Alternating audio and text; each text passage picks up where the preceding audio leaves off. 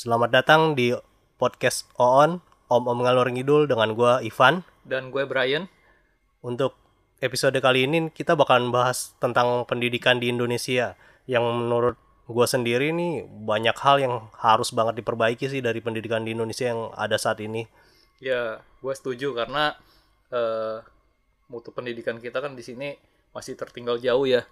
Padahal kita belajar itu jamnya udah sangat full banget gitu. Iya, kalau menurut gua sih kalau dibilang eh, banyak kan yang bilang sumber daya manusianya sendiri aja ya emang udah nggak berbobot. Ya jangan salah, lu kalau tahu di Papua di daerah-daerah terpencil sekalipun banyak orang-orang Indonesia yang pinter dan cerdas gitu. Cuman kebanyakan kan eh, nggak punya kesempatan, Akses, ya nggak punya akses, nggak punya kesempatan. Kalaupun ada akses, nggak punya ya biaya lah, apalah. Pokoknya banyak banyak hal yang menghalangi mereka sih. Ya, gue setuju. Terutama bagi orang-orang yang hidup di kota kecil gitu, yang di pelosok-pelosok itu pasti banyak yang pinter seperti yang pernah dibahas oleh novel Laskar Pelangi juga kan. Iya itu walaupun menurut gua sih gua orangnya nggak percaya dengan novel itu 100% ya. Ya pasti itu ada bumbu-bumbu yang Drama. iya drama dramatisasi yang mungkin berlebihan sih. Kayak tokoh si Lintang ibaratnya. Apa mungkin kalau dia sepintar itu nggak nggak terkenal gitu. Wah, paling paling nggak orang kampungnya tahu lah gitu. Tapi kenyataannya kan ketika dibahas sih sama kan itu ketika film itu meledak pada nyari-nyari tahu dong tentang latar belakang setiap karakter masing-masing. Kenyataannya susah untuk nyari info mereka masing-masing. Berarti kan ya memang dramatisasi ya, tapi bukan itu topik pembahasan kita kali ini. Cuman itu salah satu yang berhubungan sih kayak kalau orang bilang sumber daya manusia Indonesia itu nggak bermutu ya omong kosong. Banyak kok orang-orang pintar di Indonesia. Gue yakin banget lah. Banyak lah soalnya kan banyak juga yang menangin Olimpiade fisika, Benar, benar. kimia. gue jadi inget tuh ke be- beberapa mungkin ada ke- 10 tahun ke belakang ya ada waktu zaman zaman mungkin zaman zaman sekolah yang gencar gencarnya UN tuh Ya. ada kalau gua nggak salah inget tuh ada satu anak dari Papua dia juara Olimpiade fisika kalau nggak salah. Tapi dia nggak lulus SMA itu kan gila anjir. Cuman gara-gara kalau nggak salah pelajaran bahasa Inggrisnya. Itu logika dari mana bahasa Inggris mempengaruhi lulus lulus sekolah apa enggak kalau zaman gue ya zaman gue sekolah itu untuk lulus sekolah itu cuma butuh tiga mata pelajaran. Bahasa Indonesia ma- agama sama PPKN PMP nah Anjir, kalau beragama berarti. iya kalau kalau tiga itu lu di atas 6 ya lu tandanya lulus. Tapi kalau yang waktu itu gue nggak salah ingat itu orang juara Olimpiade Fisika. Udah membanggakan nama Indonesia loh masa tiba-tiba nggak lulus gara-gara bahasa Inggris? Ya itulah yang salah satu concern gue tentang pendidikan Indonesia. Semua harus dipelajarin. Lu udah gila anjir. Iya, dan itu gue setuju sih. Maksudnya gini, gurunya aja saat, satu untuk satu mata Benar, pelajaran benar, gitu kan. benar. Berarti kan nggak fair. bener Dia cuma menguasai satu lah yang dia benar-benar jago gitu. Oh, Ya memang dia dulu pernah sekolah gitu. Dia pernah lulus dengan nilai ya mungkin di ambang batas rata-rata lah. bener Tapi kan curang gitu. Lu murid disuruh ngafalin semuanya dan harus bisa semuanya. Sedangkan eh, gurunya sendiri dia cuma punya jadi satu spesialis. Padahal kan kita tahu semua yang spesialis itu lebih mahal bayarannya. Misalkan kayak dokter spesialis gitu kan. Bener bener lu lagi pula kalau lu pelajarin semua mata pelajaran itu emang relevansinya dengan kehidupan lu bakalan kepake semua. Memang lu mungkin ada yang bilang ya paling nggak lu tahu dasarnya doang. Ya tahu dasarnya buat apa kalau ujung-ujungnya nggak nggak ada relevansinya gitu. Ba- Jangan kan begitu. Nih gua nih gua kuliah IT. Nggak semua yang hal yang dengan IT itu pasti gue pelajarin. Emang gue pelajarin Microsoft Word di kuliah gua kagak ada beneran dah. Nah, iya. Kayak cara install lu apal eh lu diajarin? Iya, emang gue diajarin cara bongkar-bongkar komputer. Enggak, itu ke- di kehidupan nyata baru gue temuin. Nah. Nah, kayak ibaratnya gue kalau sekolah ya, gue nggak tahu sih ini bener apa enggak. Tapi ketika gue lihat film-film di luar, film-film dari luar negeri maksudnya ya di Amerika gitu, kayak mereka kayak ada sistem SK SKS kalau gue nggak salah ya. Jadi apa mata pelajaran yang lu mau ikutin ada yang enggak ada yang enggak ada yang mau gitu. Ketika gue sukanya matematika ya gue ambilnya hal-hal yang berhubungan dengan eksak matematika fisika mungkin kimia atau yang menjer- menjurus-menjurus ke sono lah. Intinya begitu menurut gue sih begitu. Oh ya sebelumnya di sini kita bukan mau sok tahu atau mau apa mau ngajarin orang mau menggurui Kemendikbud segala macam enggak. Enggak enggak peduli juga peduli setan lah. Dia juga nggak bakalan nggak mau nggak mau nggak bakalan ngubah segalanya kok karena hanya karena kita berdua. Ya, walaupun misalnya suatu saat ini viral ya bodoh amat. Enggak kita ngomong untuk hati kita aja gitu keluarin unek-unek kita gitu. Nah iya. Kayak eh, zaman dulu kita sekolah. Kalau gua waktu zaman gue sih sama. Tiga juga mata kul mata pelajaran yang harus lulus. Matematika karena gue IPA kan, matematika, bahasa Inggris sama eh, bahasa Indonesia gitu. Tapi mata kuliah eh mata pelajaran lain juga harus lulus. Cuma itu ditentukan oleh sekolah. Ya gampang lah kalau dari sekolah. Karena kan sekolah juga mau memperbanyak kelulusan kan Nah, tapi semakin angkatan itu setahu gue semakin banyak lama-lama jadi enam pelajaran Iya, jadi gua nggak ngerti lah itu berantakan banget sih menurut gua berantakan ya. Kalau kalian mau bilang itu lebih sistematis terus segala macem, ya terserah sih. Yang jelas menurut gua nilai lulus seseorang itu bukan di- dinilai hanya karena begitu gitu. Apalagi gue inget nih, gue pernah nganterin dia waktu daftar SMA nih.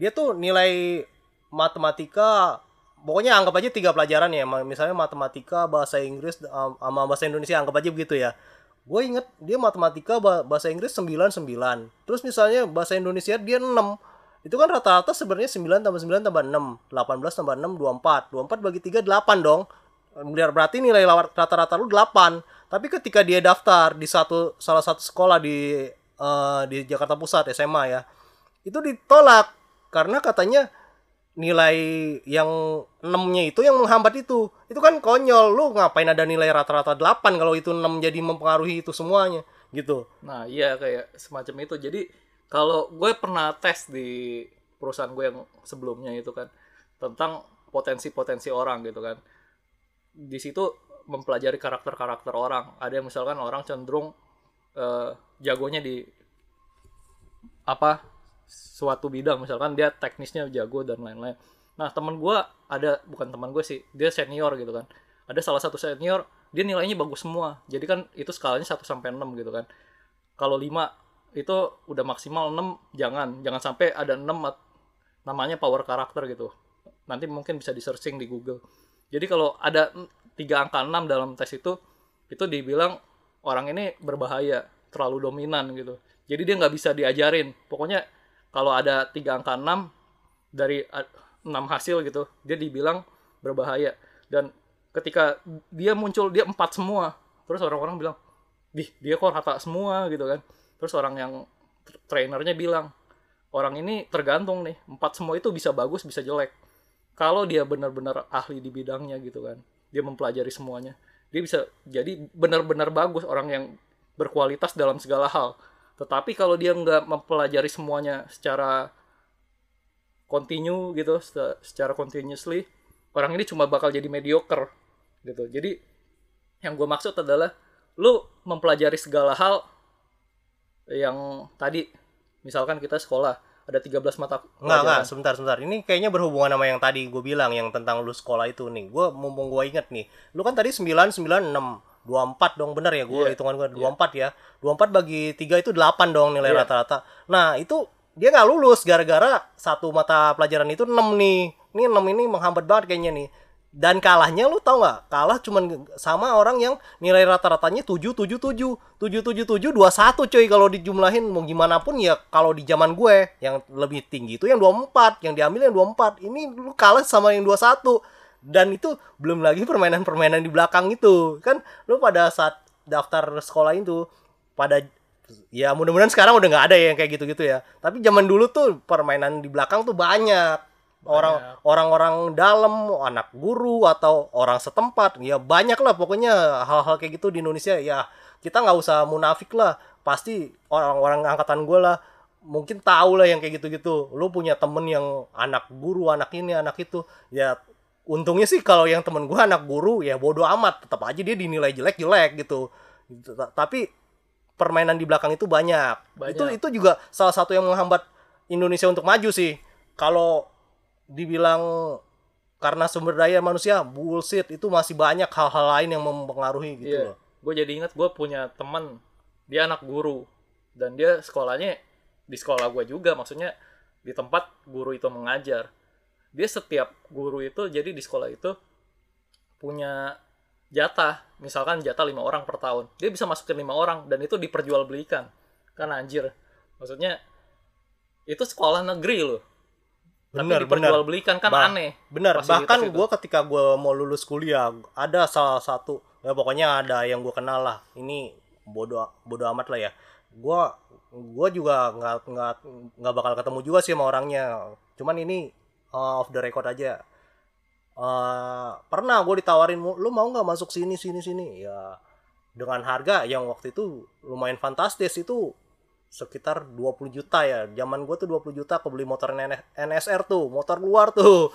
NSR bayangin. motor NSR itu bagi yang belum tahu boleh Google itu semacam motor gede motor ninja gitu lah Iya, dulu kelasnya. tuh belum ada namanya kayak CBR CBR gitu. NSR zaman gua itu Iya, 20, gua tahu. 20 juta sedangkan Supra itu masih 10-an gitu kan. Supra Supra baru keluar tuh Supra tuh zaman itu ganti Nastrea. Nah, iya gitulah. Nah, itu yang mau kita bahas di podcast kali ini karena kita concernnya benar-benar apa ya?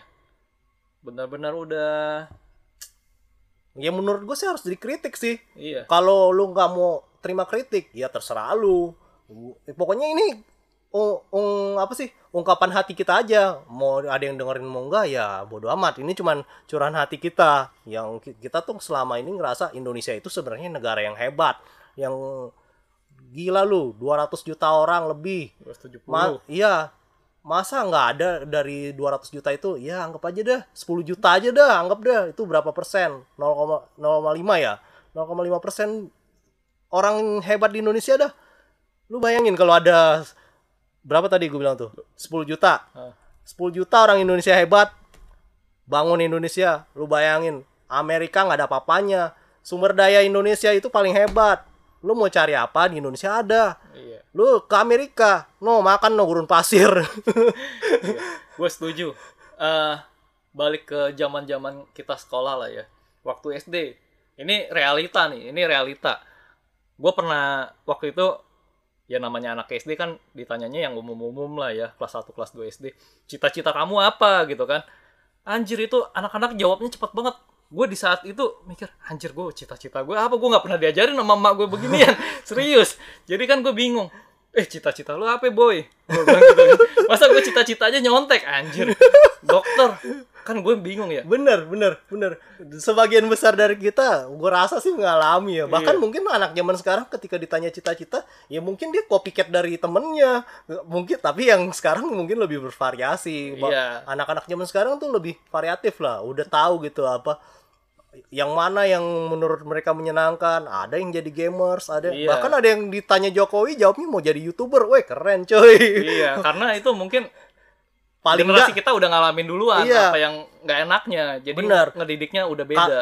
untuk yang ketawain itu kan ketika eh, Jokowi tanya anak itu mau jadi apa cita-citanya jadi youtuber itu banyak yang ngetawain dan banyak yang menghina-hina namanya netizen Indonesia langsung nih anak anak kebanyakan nonton YouTube kebanyakan ini ya nggak apa-apa coy. Paling nggak dia tahu apa yang dia dia mau jalanin. Iya. kalaupun dia lu mau kata-katain dia lu nggak nggak nggak perlu sekolah tinggi-tinggi untuk jadi youtuber. Ya iya memang. Tapi nggak paling nggak dia tahu apa yang dia akan lakukan. Nah pada zaman gua ketika anak-anak kecil ditanya mau jadi apa? Jadi abri. Pada saat itu abri bukan TNI ya. Abri. Jadi apa lagi? Pegawai negeri arsitek. Jadi apa astronot belum ada. Jangankan astronot jadi presiden aja nggak ada yang mau. Karena pada saat itu ya udah eh, karena orang mikir ya karena kalau jadi presiden wah susah. Udah gitu lama kan memerintahnya kan. Ribet lah intinya. Kalau kalau mereka mikir wah kalau gue jadi presiden ngurusin ini itu banyak. Mereka akhirnya nyerah kan. Arsitek yang paling umum tuh. Padahal kita lu bayangin oh, anak mau jadi arsitek nah sedangkan gambar aja spontannya 5 6 masih untung lu dapet 6 Nah, nah, itu kan waktu itu kan gue ditanya, "Eh lu apa, boy?" "Dokter." gitu kan. Gue gua waktu itu bercita-cita cuma satu, gue pengen jadi kaya, nggak tahu gimana caranya gitu kan. nah Nah, jadi bisnismen kan. Tapi nggak ada teman gue yang jawab bisnismen, pengusaha itu zaman itu kata-kata itu tuh apa asing gitu bagi kita. Iya, entrepreneur itu baru zaman Iya. sekarang. Nah. Itu padahal kan sebenarnya entrepreneur itu salah satu cabang ah, cabang lagi apa ya cita-cita yang cita-cita juga. Cita-cita? Eh, sebenarnya bisa jadi cita-cita. Nah kalau kita bandingin sama di luar coba. Ketika anak luar negeri ditanya nih nih lagi-lagi dari film tapi mungkin ya ini film pasti kan kemungkinan besar diambil dari Realita, kenyataan iya. iya. Ketika kecuali film-film ajab. Nah misalnya kan di film itu kan anak-anak bahkan dari anak TK mereka udah tahu bagaimana gambaran apa yang akan mereka ker- kerjakan dengan cita-cita mereka gitu. Tahu dari mana? Kalau yang gue tonton ketika anak-anak TK itu tahu mereka itu gini. Misalnya anak gue nih anak gue Arthur. Arthur eh minggu depan papa kamu bawa ke sekolah ya. Buat apa? Buat dipamerin. Dipamerin dalam arti apa? Beneran bener-bener dipamerin. Nah gue sebagai orang tua dari Arthur itu akan menjelaskan nih saya kerja sebagai IT IT itu kerjanya ngapain ini itu ini itu kerjain komputer eh, coding atau apalah mungkin yang berhubungan dengan IT lah intinya ya nah jadi anak-anak itu punya gambaran bagaimana nih kalau gue kerja jadi ini jadi pada saat itu ada anak-anak yang bahkan cita-citanya apa? Jadi fireman, pemadam kebakaran. Coba orang Indonesia, zaman apalagi zaman gua, ada nggak anak yang mau jadi apa? Pemadam kebakaran, boro-boro. Padahal itu se- sesuatu eh, pekerjaan yang mulia dan sesuatu yang real gitu. Lo bisa lakuin. dan kalau di luar negeri itu bayarannya gede banget ya pedulilah dengan pembayaran lah. Yang penting intinya dia tahu apa yang dia akan cita-citakan. Dia ngeliat, wih keren kalau gue jadi fireman, gue bisa nolong orang, bisa jadi polisi. Bahkan jadi polisi aja suatu, suatu cita-cita yang jarang ada yang mau. Ada mungkin yang anak-anak polisi juga. Kebanyakan sih begitu kan. Iya. Nah atau temen gue, abangnya arsitek, terus dia mau jadi arsitek. Lah gambar aja gunung lulu lu, gunung dua tengahnya gak matahari. Nah, itu gue balik ke yang tadi tuh. Waktu itu kan gue nanya, "Wah, lu mau jadi dokter?" Ya udahlah, gue nyontek lu ya dokter. Dia jangan katanya. Terus gue nanya temen lu, "Lu apa astronot?" Gue tahu baju astronot itu yang kayak apa, tapi gue nggak tahu dia kerjaannya apa itu gue nggak tahu. Terus ada yang arsitek segala macam. Ya kita semua akhirnya eh, contek-contekan lah. Nggak jauh dari dokter, arsitek, terus astronot, abri, dan lain-lain. Dan akhirnya ya gue tulis aja. Saya mau jadi astronot. Anjir, kalau gue pikir-pikir sekarang ya. Astronot kerjaannya ngapain gue di bulan? gitu kan kan Ya. kocak Nah, maksudnya. ini kan lagi-lagi, lu bahkan lu udah dewasa aja, lu masih mikir bahwa astronot itu selalu pekerjaannya di bulan. Belum tentu, bisa aja kan kerja di NASA. Iya. Ya ada ada ya kayak lu cita-cita jadi arsitek. Pasti kan orang mikir arsitek itu bangun rumah segala macam. Tapi kan nggak sesimpel itu ternyata. Ba- untuk bangun rumah itu ada yang namanya desain interior. Iya. Ada yang jadi arsiteknya, ada yang jadi ya macem-macem lah. Bahkan kuli itu ikut ngebangun bantu bangun rumah. Iya, dan ada lagi Feng Shui. Iya beneran, teman gue kuliah arsitek itu belajar Feng Shui loh. Buset. Beneran itu. Itu Feng Shui itu ada di salah satu mata kuliah 3 SKS gitu. Nah, iya, dan ternyata terus ada lagi pengembangan-pengembangan dari yang lu kalau jago gambar ternyata bisa juga teknik sipil, Bisa. hitung-hitungan juga. Nah, pokoknya banyak gitu yang kita selama ini ternyata, oh gue ternyata nggak tahu ya. Iya, Gua- dan ada misal selain arsitek juga ada desain interior. Itu ada. Iya. Spesifiknya lagi ada seni rupa. Ya kayak gitu. Kita tuh kayak kayak ses- eh, jiwa yang tersesat gitu kalau di sekolah. Iya. Gua sekolah apa, mau ngapain? Bahkan lu jujur-jujuran aja deh. Ketika lu lulus apa lulus SMA nih, mau udah mau lulus nih, udah kelas 3. Bahkan lu udah nentuin nih. Kalau zaman gue sih nentuin jurusan tuh kan kelas 3 ya, masuk IPA, IPS, bahasa. Bahasa nggak ada lah, tapi IPA, IPS ada. Tuh kita masuk IPA. Ketika kita masuk IPA, kita masih belum tahu gitu cita-cita kita apa gitu. Cuman Ah, ada iya. gambaran doang. Oh, gue mau jadi ini. Gue jangan kan gitu dah. Gue nih, gue masuk nyemplung di IT nih dua kali. Pertama di Gundar, kedua keluar tuh gue dari Gundar, masuk Binus, nyemplung IT IT juga kan, nyemplung IT, nyesel. ya kan? Karena menurut gue apa yang kita pelajarin di IT itu sebenarnya bisa dipelajarin dengan kursus gitu. Kalau hanya untuk standar-standar aja gitu. Bahkan kursus aja lebih- mungkin lebih canggih dari gue karena lebih mendalami apalagi jurusan gua sistem informatika sistem informasi yang nanggung apa apa mau jadi coding lu nanggung dipelajari ini bener-bener nanggung. Lu mau akunting ya bener-bener udah nggak hubungan lo akunting anak SI mau dianggap kagak bakalan. Nah sedangkan kenapa gue bisa nyemplung ke situ? Karena dulu tuh kita tuh hobi main game ya kan? Orang tuh main game tuh ujung-ujungnya mikirnya ah gue mau bikin game. Terus gue masuk IT gitu. Sebenarnya ya nggak salah juga. Cuman kalau lu mau apa masuk untuk bikin game ternyata kan sebenarnya banyak jurusan-jurusannya. Nggak harus IT ada animatornya ada yang ya bener IT-nya ke bagian codingnya bagian bikin logikanya bagian bikin robotnya apa segala macam lah yang ternyata kita tuh nggak diajarin Iya. ada namanya bimbingan karir bener ada di sekolah ada bimbingan karir BP diajarin nggak ada sebab diajarin tapi kecil Dulu gue malah diajarin waktu kalau nggak salah ya waktu gue SMA itu ada salah satu guru ngajarin gitu tentang ya masa depan lah. Maksudnya lu mau kerja jadi apa? Baru tuh diajarin tuh arsitek kerjaannya ngapain. Terus penghasilannya yang gede itu eh, kerjaan-kerjaan apa aja. Dan ternyata anjir gue mau jadi arsitek. Gue nggak bisa ngegambar ya kan? Terus gue mau jadi astronot. Buset gue nggak betah. Pakai jas hujan aja nggak betah. Gimana? Pakai baju astronot gitu kan. Terus sampai ya galau sendiri. Terus gue pengen jadi apa ya kan? Ya gue bingung kan. Terus ya udahlah makin galau tuh cita-cita. Ya itu karena kenapa? Dari kecil nggak dibimbing. Bener. Sedangkan kalau kita lihat ya negara-negara yang sukses di salah satu apa di salah satu bidang aja misalkan Brazil di sepak bola anak kecil itu udah main bola sejak umur 3 tahun gitu kan. Lionel Messi gitu kan Argentina. Dia main bola udah um- dari umur 3 tahun 4 tahun. Dia waktu dari kecil misalkan dari umur 7 tahun gitu Cristiano Ronaldo lah Portugal kan. Waktu itu Portugal nggak terlalu jago lah di bola. Udah bercita-cita suatu hari gue akan jadi pemain terbaik dunia. Gila gitu. Dia punya cita-cita jadi atlet. Di mana saat itu nggak ada kita semua di Indonesia mayoritas itu suka main bola tapi nggak ada yang bercita-cita jadi pemain bola. Ada mungkin tapi kan nggak tahu apa apa yang harus dilakukan gitu. Iya makanya itu kita nggak benar-benar dibimbing secara Iya dari kecil harusnya gitu bener. Ta- oh kecuali ya kecuali lu misalnya lu anak atlet pasti lu jadi di tau lah nih kalau gue jadi anak eh gue mau jadi misalnya anaknya Susi Susanti lah anggap aja ya. Pasti dia tahu kalau mau jadi apa kayak emaknya bagaimana lewatin mana lewat mana. Nah sedangkan gue punya banyak temen yang jago main bola. Tapi ya udah gitu hilang gitu aja. Ketika mereka gede udah. Cuman kalaupun main jago ya udah. Main sebatas jago aja gitu.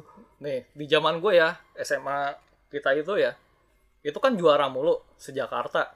Itu mau diadu lawan SMA mana pun itu selalu juara gitu kan. Ba- bahkan beberapa pemain di apa di tim sekolah gue itu ada yang ma- masuk timnas timnas junior gitu. Salah satunya itu kiper ketiga kiper ketiga apa kiper kedua yang dibawa ke Korea Selatan lah pokoknya waktu itu. Nah dia itu jago banget. Gue nggak tahu deh sekarang dia gue nggak tahu namanya juga sih. Tapi salah satu teman gue teman sekelas itu dia jadi pemain persib sekarang. Tapi jarang itu maksudnya dari sepak bola itu kan timnya banyak banget kan waktu di sekolah. Itu banyak banget. Tapi kenapa satu doang yang berhasil mewujudkan cita-citanya? Setahu gue ya jadi pemain persib itu. Apalagi ya kan orang tua kita kalau denger apa mau jadi atlet oh udah lu dicaci maki lu. Iya padahal belum tentu loh penghasilan lu misalkan jadi manajer setara sama atlet gitu kan. Benar benar. Cuman ya memang ada batas waktunya kan untuk kalau jadi atlet gitu. Apalagi yang gue denger dari teman-teman kita yang suka main futsal gitu kan ada yang beberapa kenal sama yang pemain-pemain timnas gitu kan. Mereka tuh yang kuliah tuh nggak boleh lulus. Anjir. Eh, karena kan kalau mereka nggak lulus mereka akan main terus untuk tim iya benar universitas itu Benar. gitu. Dan mereka jadi kayak regenerasinya itu lambat gitu. Berarti dipaksain tujuh tahun lah itu. Iya. Dan tapi sebenarnya gue nggak setuju sih misalkan nih kayak di Itali misalkan. Dibilang karirnya eh, cuma sebentar sampai 30 tahun misalkan. Atau se- sekarang banyak yang pensiun di atas 35 35 begitu pensiun kan dia bisa ngambil coaching apa liset license Iya, gitu kan. kan sekarang makanya lebih terarah gitu untuk pendidikannya atau ya untuk jalur karirnya gitu kan. Paling nggak lu jadi selebgram lah gitu. Iya. Kayak misalkan Conte nih, Conte jadi pelatih Juventus terus pelatih Chelsea segala macam, dipecat makin enak anjir. Nganggur dibayar, ya kan? Ntar ada yang sign kontrak lagi di apa digantiin uang yang tadi harusnya dia terima. Ya udah. Itu lebih menurut gue lebih apa ya? Kalau gue bisa bercita-cita ulang nih, gue akan mati-matian di atlet walaupun itu susah sih Kalau gue sih kayaknya enggak lah ya. Soalnya jalurnya ya mungkin emang sih lu nanti karena mungkin pembim- eh, yang sulit kali tapi Ya. lu kalau lu tinggal di luar negeri ya mungkin memang ada beberapa apa beberapa apa tuh namanya tuh pekerjaan yang memang kita harus fight for it gitu. Namanya lu uh, dapetin atau enggak sama sekali. Ya lu kayak pertaruhan gitulah. Kayak lu menjadi artis pada saat itu ya lu mati-matian untuk jadi artis itu. Atau lu nggak jadi nggak jadi orang sama sekali karena lu sekolah lu udah pasti terlantar ya sama atlet juga kayak gitu kan sebenarnya kan Iya, tapi gini deh, lo masih inget gak waktu zaman zaman lo main FMCM gitu kan? Itu zaman 2000 2001 kita udah main CM, ya kan? iya Ya kan CM 3, CM 4, terus CM 2001 2002. Itu gue ngeliat nih ya, pemain Liga Inggris yang divisi 2, League 2 ya kan? iya Itu paling kecil bayarannya misalkan 1000 po- apa 1000 pound sterling per week. Seenggak-enggaknya tuh ya. Masa lu nggak bisa jadi pemain League 2-nya sih? Bego banget emang itu lu memaksakan takdir itu namanya. Pemain League 2 itu nggak sehebat Fabregas nggak sehebat Robin van Persie atau Wayne Rooney. Itu ap- apalagi nggak usah Ronaldo lah. Itu lu ibaratnya seribu kali lipat lebih bodoh dari mereka. Masih masih dapat bayaran lebih gede dari manajer. Masa lu nggak mau sih? Itu Ya. kan fun juga lu. Apa Iya, ya? iya, bener sih. Tapi kalau kata orang kan kita, wah, fun ya kalau kita kerja untuk apa yang sesu- sesuatu kita senangi. Tapi menurut gua nggak juga loh. Lama-lama kita bakalan bete, anjir. Terus gua udah lakuin ini demi duitnya yang gue senengin. Abis itu gue udah dapat apa lagi ya? Apa lagi yang harus gue lakukan biar gue seneng-seneng gitu? Iya, tapi daripada lu melakukan sesuatu yang tidak lu senangi rutin, itu lebih bego lagi. Misalkan kayak di podcast pertama kita kita ada nyebutin nih, perjalanan bolak-balik Bekasi gitu kan setiap hari selama 10 tahun. Apa lu nggak bego gitu kan?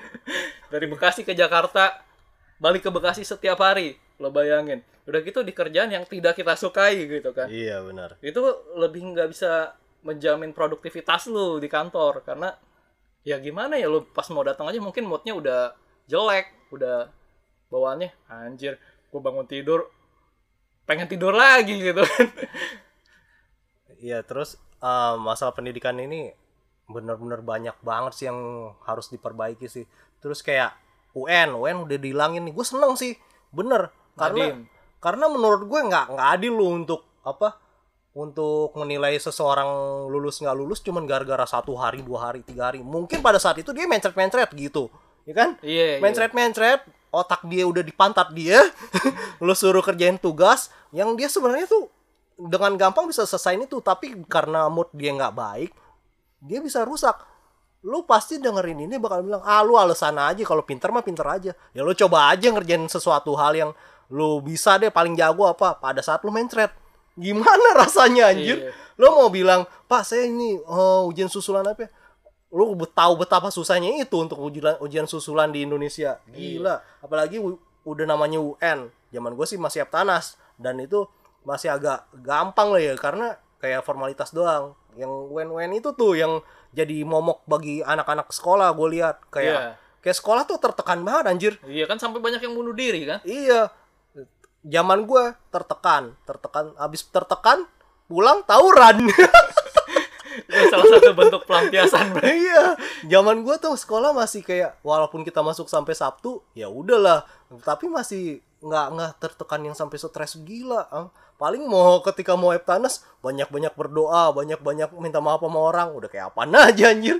Makanya gue jadi inget tuh salah, salah satu dosen gue keren dia cara ngajarnya. Dia waktu misalkan ngajar di kampus gitu ya selama periode dia mengajar selama satu semester itu dia selalu tanya jawab tanya jawab tanya jawab gitu kan. Terus pas di akhir eh, uas gitu ya kita nggak nggak tahu dia ngeluarin soal. Dia bilang soal kalian tulis sendiri yang dari yang pernah dibahas jawaban kalian tulis sendiri.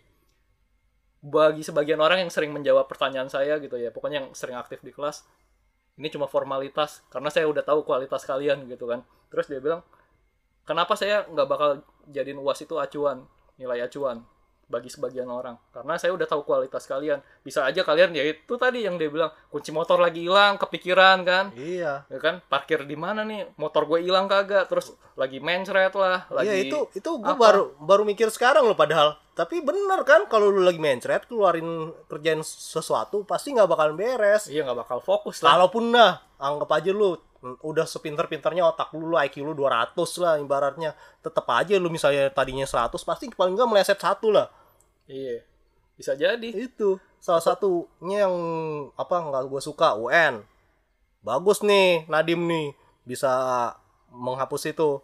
Walaupun gua nggak tahu lah gimana netizen netizen bakal menghadapi ini atau orang-orang terus eh, terutama tuh yang generasi generasi tua pasti pas pasti pada bilang oh ini nih ya namanya sesuatu keputusan pasti ada per- eh, pertentangan. Nah sama kayak di kuliah skripsi. Itu skripsi itu ngomok banget. Sampai sekarang nih gue kalau mimpi tentang skripsi wah stres gue mimpi buruk bener-bener. Kayak pengen cepet-cepet bangun anjir. Tapi sebagian orang eh sebagian kampus emang udah nggak ada skripsi juga. Bagus karena gini, gue pernah tahu dari dosen gue atau siapa gitu, dia bilang kalau di Jepang, gue nggak tahu nih bener apa enggak ya, gue nggak pernah ke Jepang. Nah katanya kalau kita skripsi, dosen pembimbing kita bakal bimbing kita tuh mati-matian tuh. Ketika udah selesai bimbing, ada namanya ujian apa Sidang. nah sidang. Sidang itu yang yang berdebat siapa? Pembimbing kita sama dosen penguji, bukan kita yang dibantai habis-habisan. Lu dari dari sidang dari sidang itu aja udah jelas lah sistem pendidikan kita tuh bobroknya kayak gimana. Lu bayangin ya, lu kuliah capek-capek, anggap aja deh tiga setengah tahun, lu hanya untuk dibantai di sidang itu gitu. Itu bukan kan kalau namanya sidang seharusnya kan diuji dong. iya Lu tapi lu bayangin deh, lu diuji apa lu dibantai? Dari skripsinya aja udah jelas-jelas salah. Lu dicari-cari kesalahan huruf nih huruf A-nya salah nih. A, A- harusnya A besar. Buset, itu cuman sa- satu huruf emang mempengaruhi kepintaran gua atau mempengaruhi masa depan gua anjir. Kalau gue sih di kampus gue karena kampus karyawan ya waktu itu ya jadi itu ya benar-benar diuji Iya, uji namanya aja ujian. Lu menguji, bukan mencari-cari kesalahan gitu. Namanya gue pengen nih, gue pengen tahu lu jago apa enggak. Eh, satu tambah satu berapa? Dua, ya kan? Iya. Udah, selesai kan? Kalau kita sidang apa? Dua, dua dapat dari mana? Dari pala lo.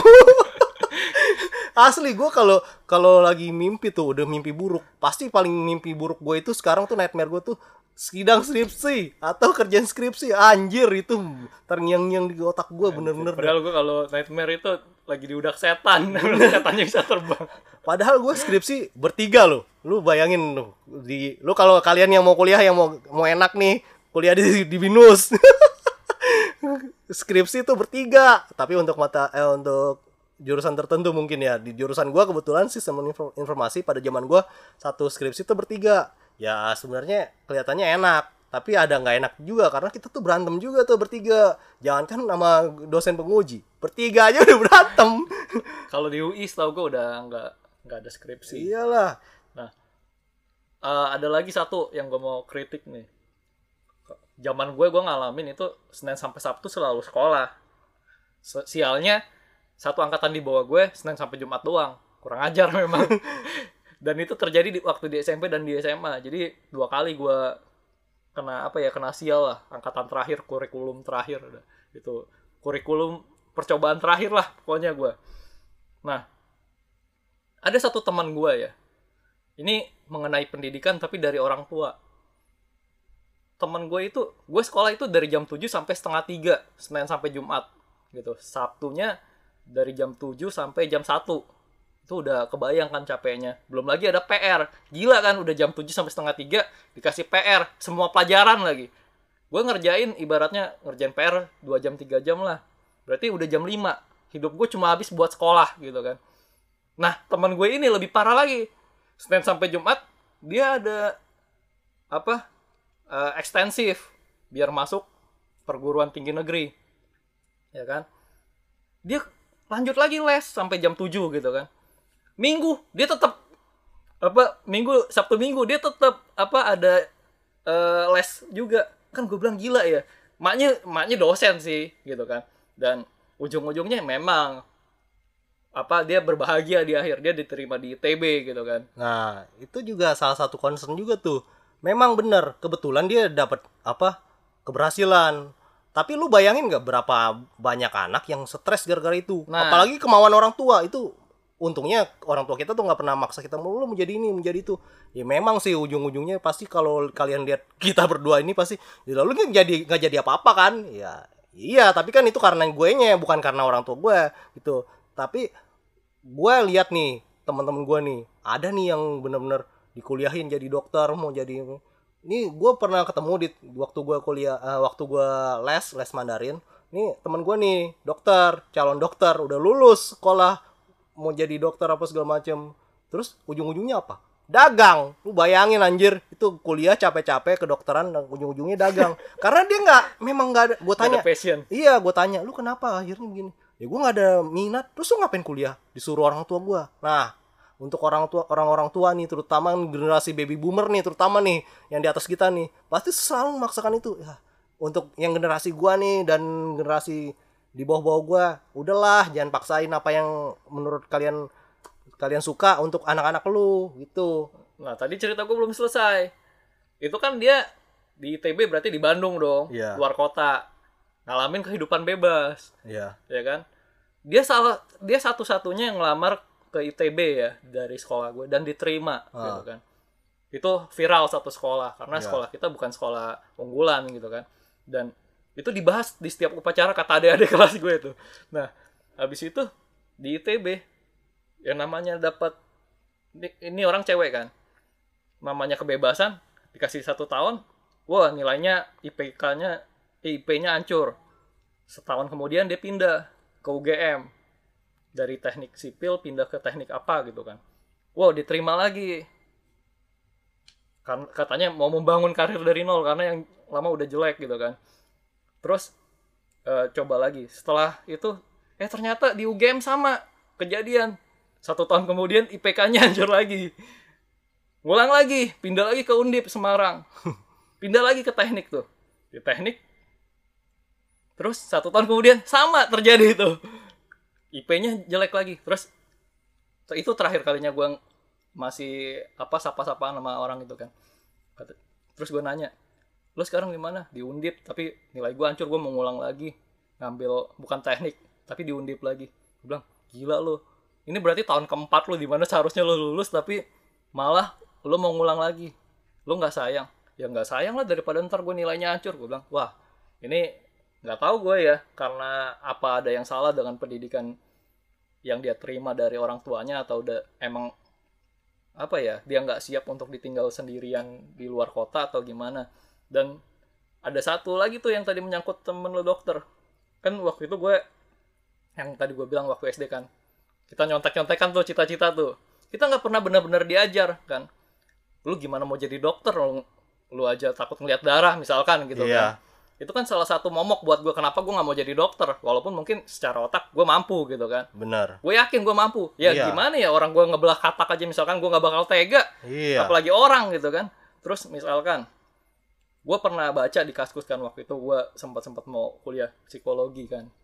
Terus gue bilang terus ada satu quote di kaskus tuh katanya eh, tentang pencerahan katanya. Kalau lu takut menghadapi orang gila jangan lu pernah bermimpi untuk jadi psikolog gue bilang bener juga sih itu kan itu kan Iya, iya. kerjaan kerjaannya Iya, Katanya- padahal gue juga apa? Menurut gue, gue tertarik untuk psikolog sih setelah gue udah kerja segala macam. Gue baru sadar bahwa passion gue tuh ada di ya masalah psikologi gitulah. Iya kalau orang apa kayak depresi, lo masih enak. Kalau orang gila, lo tiba-tiba ditusuk gimana lo? Kan gue juga mikir, ya juga ya. Tapi kan nggak selalu jadi apa psikiater yang segala, segala macam itu ya. Iya, itu kan salah satunya kan. Maksudnya, lo kan yang baru-baru ini kan film Joker kan. Coba lo nonton film Joker kan. Lo wawancara orang kayak Joker, lo berani nggak? kan itu kan emang job desk-nya dia. Job desk-nya orang-orang psikologi kan. Yang jadi psikiater kan pasti.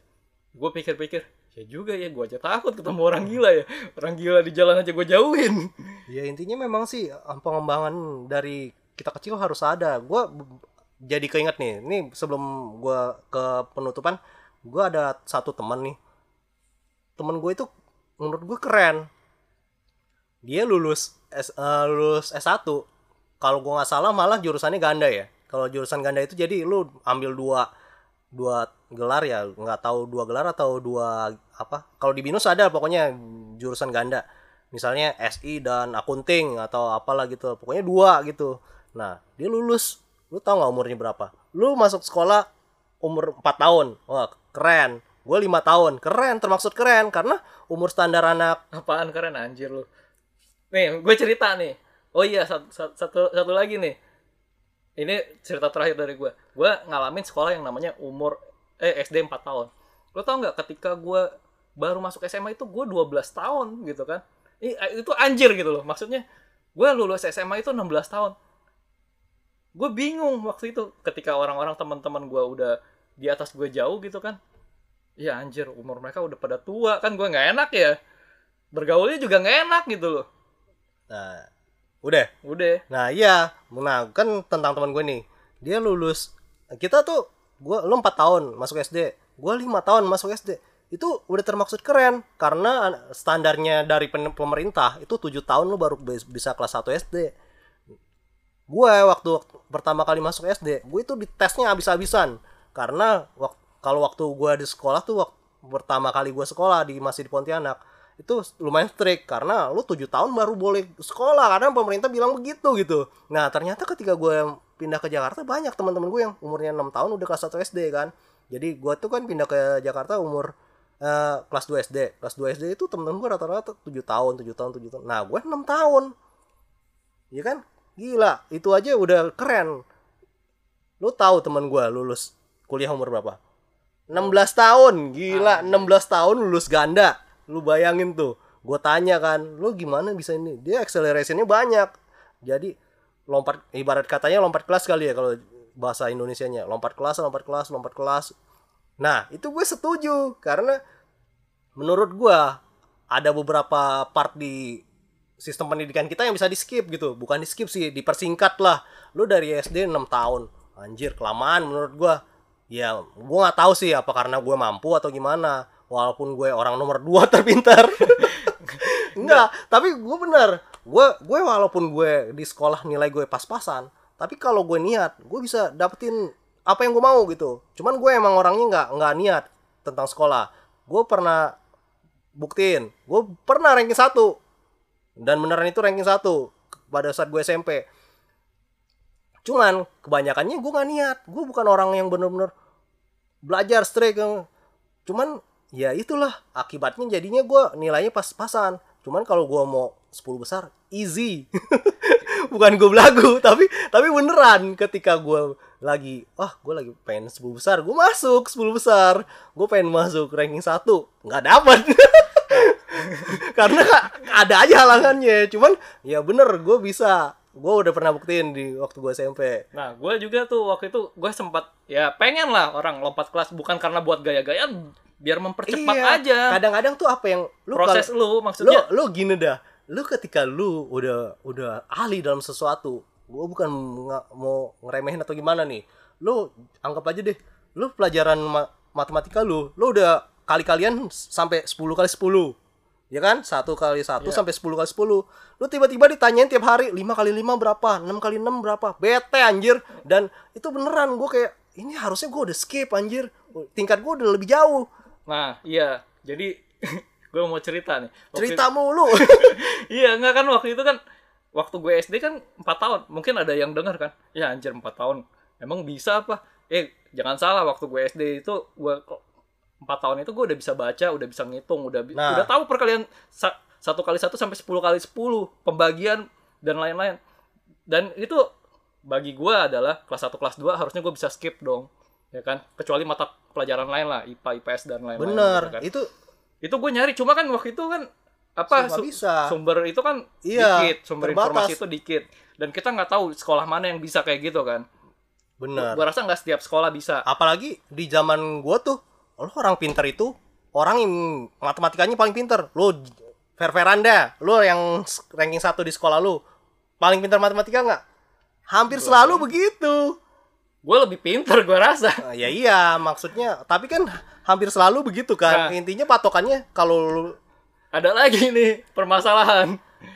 Gue kan sekolah di sekolah swasta di mana pemiliknya adalah empat yaya eh, yayasan yang dimiliki oleh empat orang keluarga dan anak-anak mereka adalah teman-teman sekelas gue.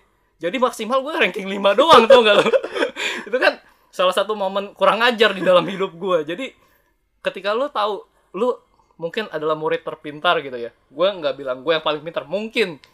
Seenggak-enggaknya dari lima apa lu kan dari kelas 1 sampai kelas 6 adalah satu salah satu momen di hidup lu lu ranking satu. Ini gue nggak pernah gara-gara mereka itu selalu sekelas sama gue gitu kan yang dua akhirnya keluar sih tapi gue maksimal ranking 3 bahkan teman gue pernah ya ngikut kelas eh, bukan kelas sih les sama guru kelas 4 SD gue guru kelas 4 SD gue udah bilang loh udah nulis pakai pensil dan ada di rapot gue tuh ranking satu gitu kan. Itu gara-gara kepala sekolahnya adalah maknya teman gue diganti ranking 3 udah maksimal itu.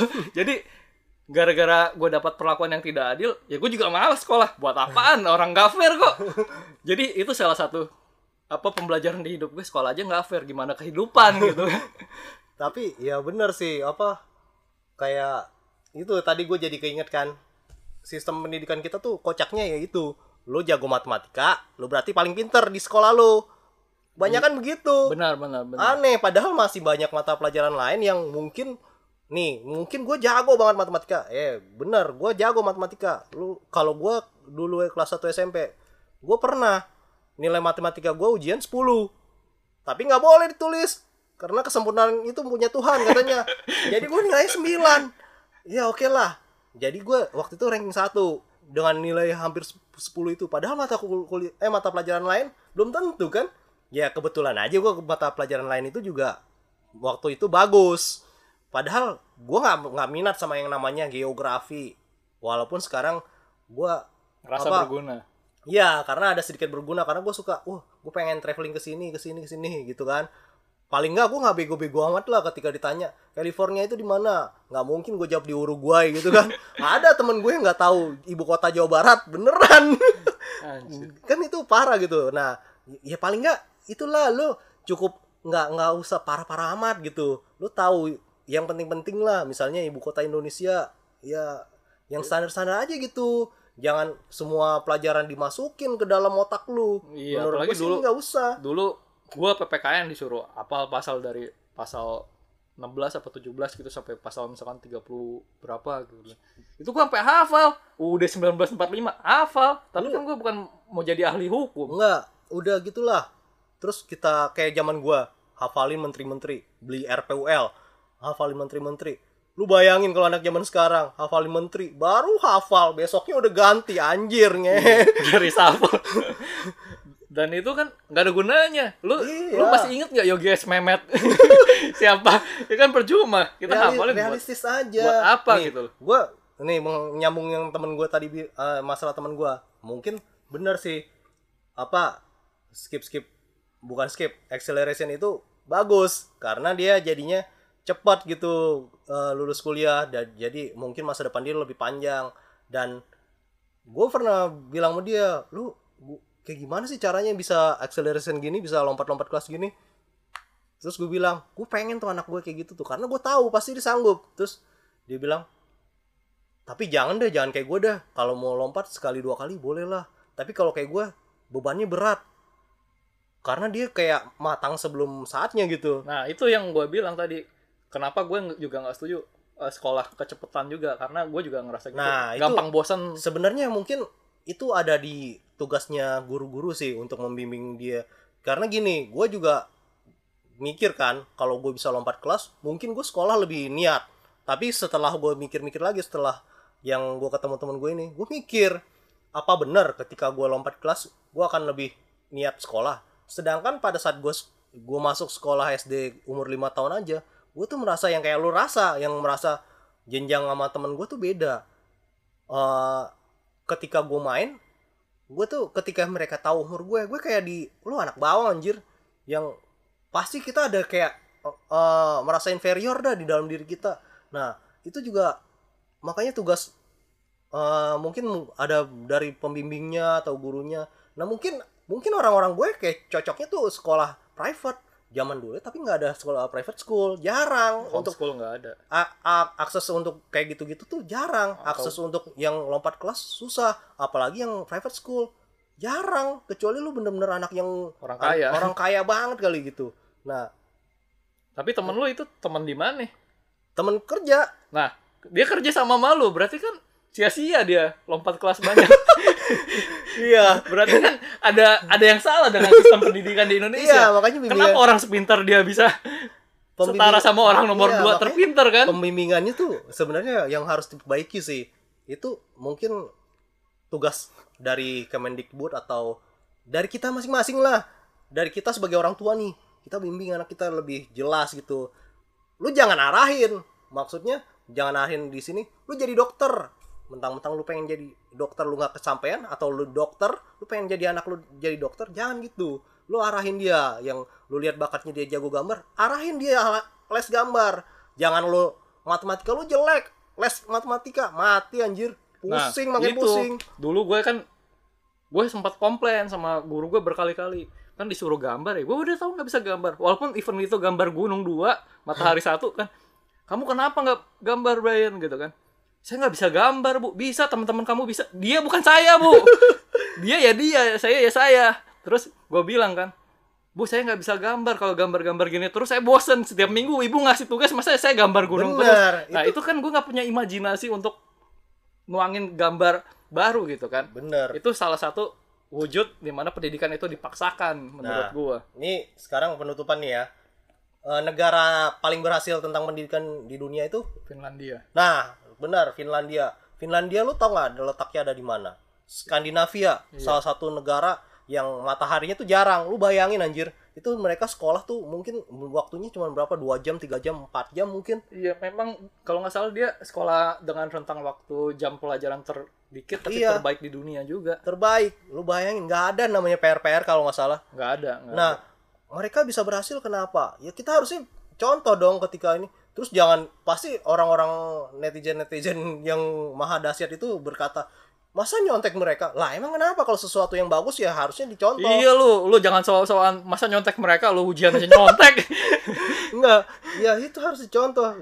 Dan yang gue baca itu mereka itu melakukan sistem pendidikannya tuh jadi nggak ada namanya SD atau SMP. Mereka itu pendidikan dasar 9 tahun ya udah di 9 tahun. Tapi mereka tuh dibimbing bener-bener. Jadi dalam 9 tahun itu mereka satu tahunnya itu dapat misalnya 180 jam kalau gua nggak salah ya. Kalau gua nggak salah baca tuh 180 jam. Satu tahun tuh selama 180 jam itu terserah lu mau masuknya kapan, lu mau bimbingnya gimana. Yang penting itu apa yang apa mereka cita-citakan itu misalnya gue mau jadi dokter atau ini ya ketika gurunya dengar gitu diarahin nanti kalau kamu jadi dokter kamu harus lihat darah lo harus harus pinter IPA harus pinter ini gue dapat itu setelah gue kelas 3 SMA dan itu udah mau lulus anjir. Ibarat kata eh bom waktu udah mau meledak tuh lu tinggal pot- potong yang gambar kuning. Kuning yang mana ya? Gue aja nggak tahu ada kuning gitu. Nah kita nggak ada salahnya kalau untuk hal-hal kayak gitu nyontek nggak apa-apa Iya, mungkin ada netizen yang bilang, berarti udah sia-sia dong yang sekarang udah SMP atau apa. Ya nggak ada salahnya, seenggaknya pembangunan yang dari anak-anak yang baru mau masuk sekolah udah dibangun untuk Bahkan menciptakan generasi yang lebih baik. bahkan untuk lu yang saat ini kelas 2 SMA kalau yang 3 SMA nih udah lulus nih lulus dengan apalah terserah lah kelas 2 SMA nih masih ada waktu satu tahun lagi kalian pikir matang-matang apa yang akan kalian lakukan apa yang akan kalian ini lihat jangan cuman karena wah IT keren keren jangan begitu beneran itu lu jangan cuman keren keren itu cuman di mata cuman di hati lu pada saat lu jalanin belum tentu keren lu pikir matang-matang lu pikir nih Mana kerjaan yang nggak bikin bete lu seumur Iya, hidup itu gitu. passion lu nggak gitu. Lu di di IT gua nggak bakalan ini, nggak bakalan bosan. Lu bakalan menghadapi banyak hal lu kalkulus. Belum tentu lu suka kalkulus. Kalau menurut gue sih, kalau untuk berpikir ini ya, lu harus berpikir jauh ke depan nih maksudnya. Lu akan ngelakuin ini seumur hidup gitu. Lu yang masih kuliah, masih pada sekolah mungkin masih enak lah ya. Ada libur panjang, libur akhir semester. Setelah lu kerja nggak ada kayak gitu, sumpah nggak Iya. ada. Jadi lu harus pikir panjang dari sekarang. Pertama, passion lu di mana? Yang kedua, itu menghasilkan nggak buat lu? Karena kalau lu passion di situ tapi nggak ada menghasilkan juga bahkan- percuma. Bahkan kalau lu mau jadi YouTuber, di YouTuber gitu. Jangan jangan ragu. Oh, lu terus sekolah gue gimana? Ya selesain aja selesain lu jadi youtuber tapi lu harus yakin. Lu lu lakuin itu dengan dengan sungguh-sungguh bukan karena duit. Duit itu masalah yang belakangan gitu. Memang benar semua orang butuh duit tapi Seenggaknya lu cukup buat makan lah. benar. Buat makan ada tempat tinggal udah cukup gitu. Bel- baca buku pengembangan diri nggak ada salahnya kok. Kalau nggak nggak mau baca cari YouTube pengembangan diri cari YouTube tentang apa cita-cita lu yang lu mau lakuin apa itu lu cari nih apa yang terjadi. Terutama kalau bisa yang di Indonesia bagi lu cari tahu orang-orang yang terdekat lu yang punya profesi yang lu cita-citakan itu. Misalnya lu pengen jadi programmer lu cari orang-orang IT sekitar lu ya. Terutama yang programming jangan orang IT doang terus lu suruh belajar Microsoft Word anjir. Apa mampus gua sering banget itu pertanyaan. Lu kan kuliah IT ya lu asli dah. Nah lu mau jadi dokter lu tanya dokter. Bahkan lu ketika lu periksa di dokter nih lu tanya dok ini apa? Apa yang jadi Harus gua pertanyaan? Pelajarin, tanyain gitu. Nggak ada salahnya kok. Kita ke dokter ya kalau ada kesempatan untuk ngobrol kalau lu suka dengan profesi itu lakuin. Bahkan ya kayak anak-anak di luar negeri itu mereka punya cita-cita jadi fireman.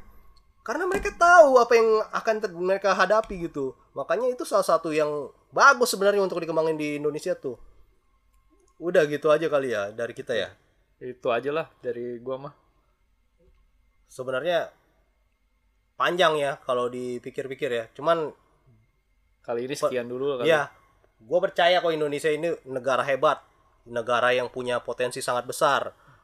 Kepulauan kita tuh 18.000 lebih ya, 180 ribu. 17 ribuan lebih. Ya, 17.000 pulau lebih dengan lautnya membentang lu dari Sabang sampai Merauke. Bayangin sumber daya alamnya gimana, kekayaan hutan kita gimana. Itu eh apa? Kita punya potensi untuk jadi negara superpower. Bener, hutan di di Sumatera kebakaran hutan aja Singapura ke- kelelep. Singapura negara besar katanya. Ya ampun. Kecil itu dikenain kabut asap aja udah kelabakan. Makanya kita tuh negara besar. Kita harus kembangin kit- dari kita dulu nih. Iya. Terutama pendidikan kita nih yang benar-benar harus diperbaiki. So tahu ya gue.